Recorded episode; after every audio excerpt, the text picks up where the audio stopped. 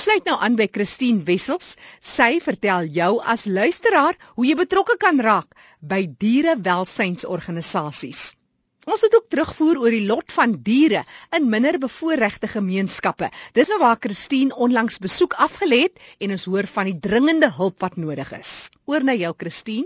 Nikki Botha is onder andere lid van die internasionale marine bewaringsorganisasie Sea Shepherd, maar ook by heelwat dierewelsynsorganisasies in Suid-Afrika betrokke.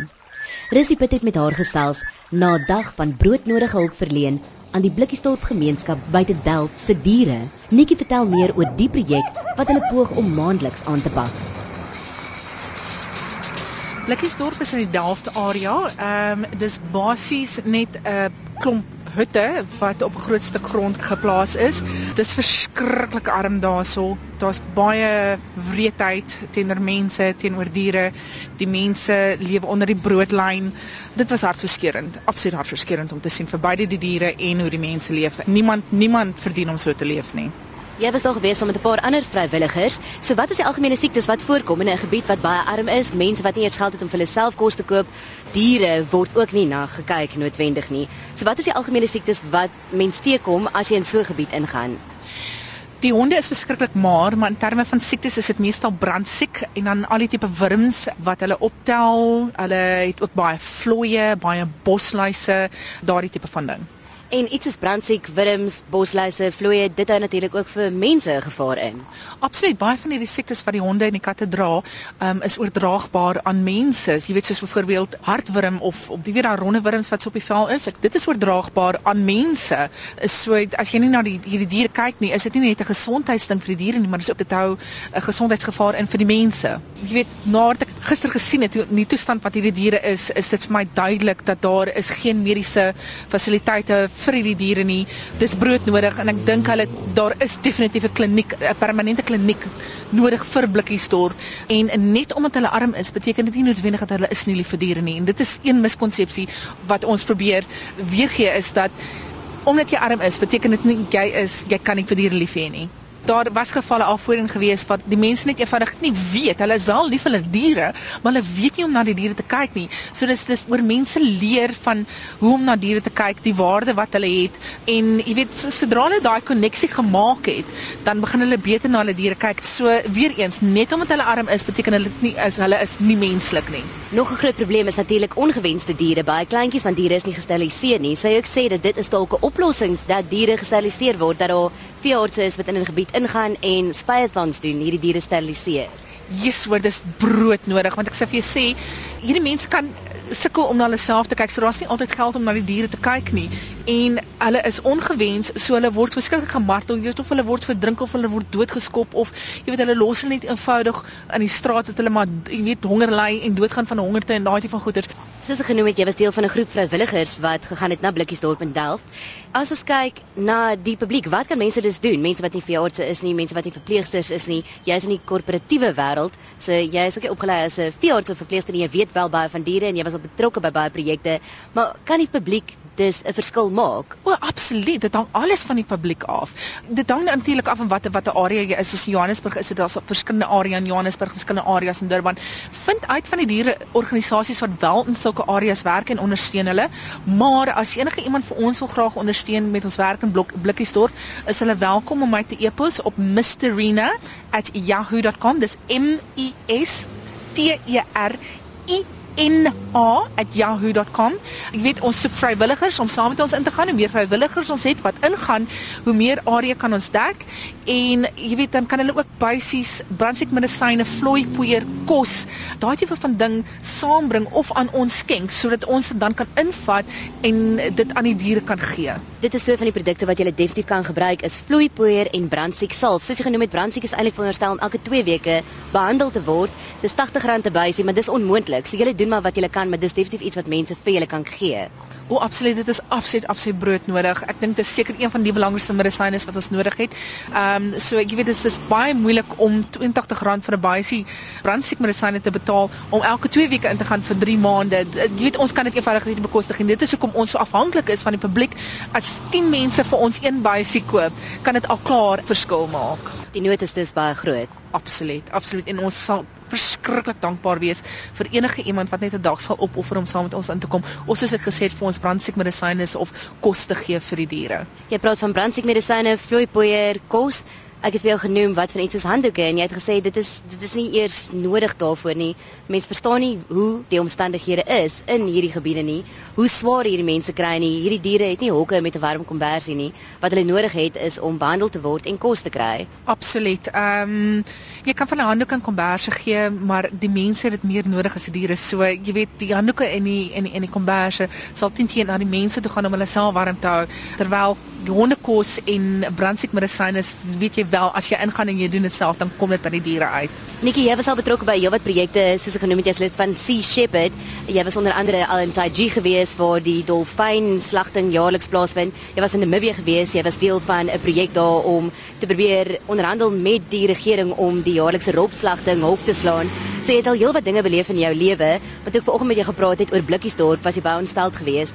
Vertel ons net om 'n idee te gee vir mense wat nog nooit so iets beleef het. Wat is die omstandighede? Hoe lyk van hierdie diere? Ehm um, Christine, jy weet ek sien ek baie foto's van diere in absoluut haaglike omstandighede en wat verskriklike dinge oorgekom het op Facebook. Jy sien al die foto's en dit is like shame en jy voel vir hulle en bla bla bla.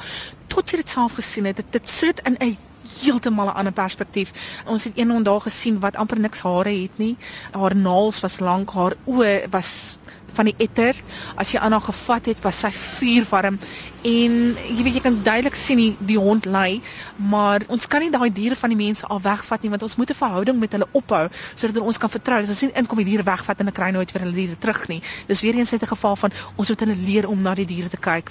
So ons werk nie net hierdie diere te behandel nie, maar ons werk ook om met die mense te praat en hulle te leer. Luister so, jou dier is kan voel, kan pyn kry, met liefde nodig, kan koud kry, kan honger kry. Maar ja, ek weet om dit self te sien, dis dis 'n heeltemal 'n ander ding.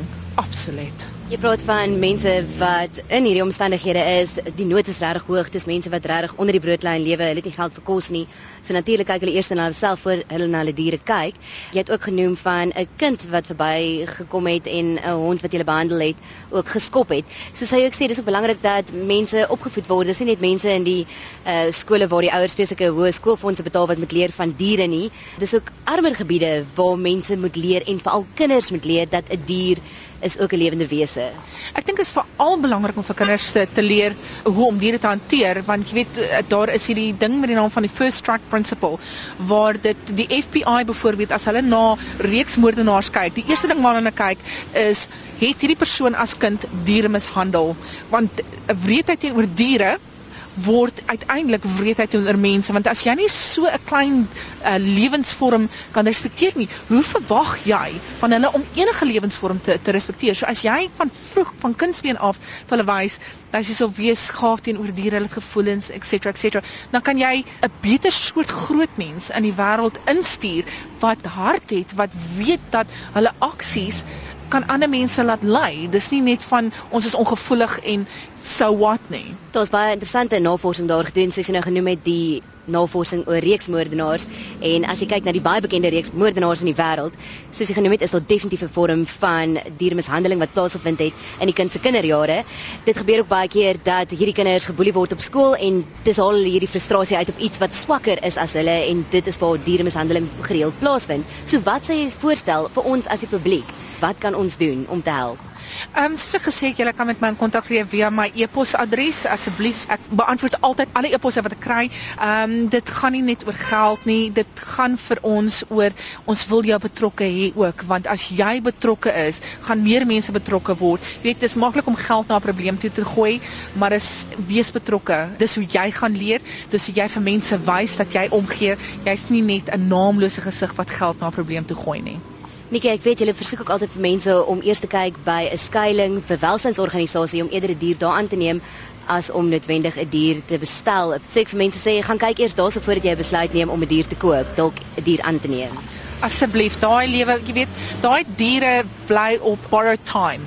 Basies, jy weet hulle het net soveel daar daar is organisasies wat nie diere uitsit nie, maar dit is ook nie regverdig teenoor daai diere. Jy weet en dan staan organisasies omdat hulle net eenvoudig net nie meer diere kan inneem nie want daar is so oorpopulasie van diere. Hulle kan nie meer diere inneem nie. Hulle kan nie almal help nie.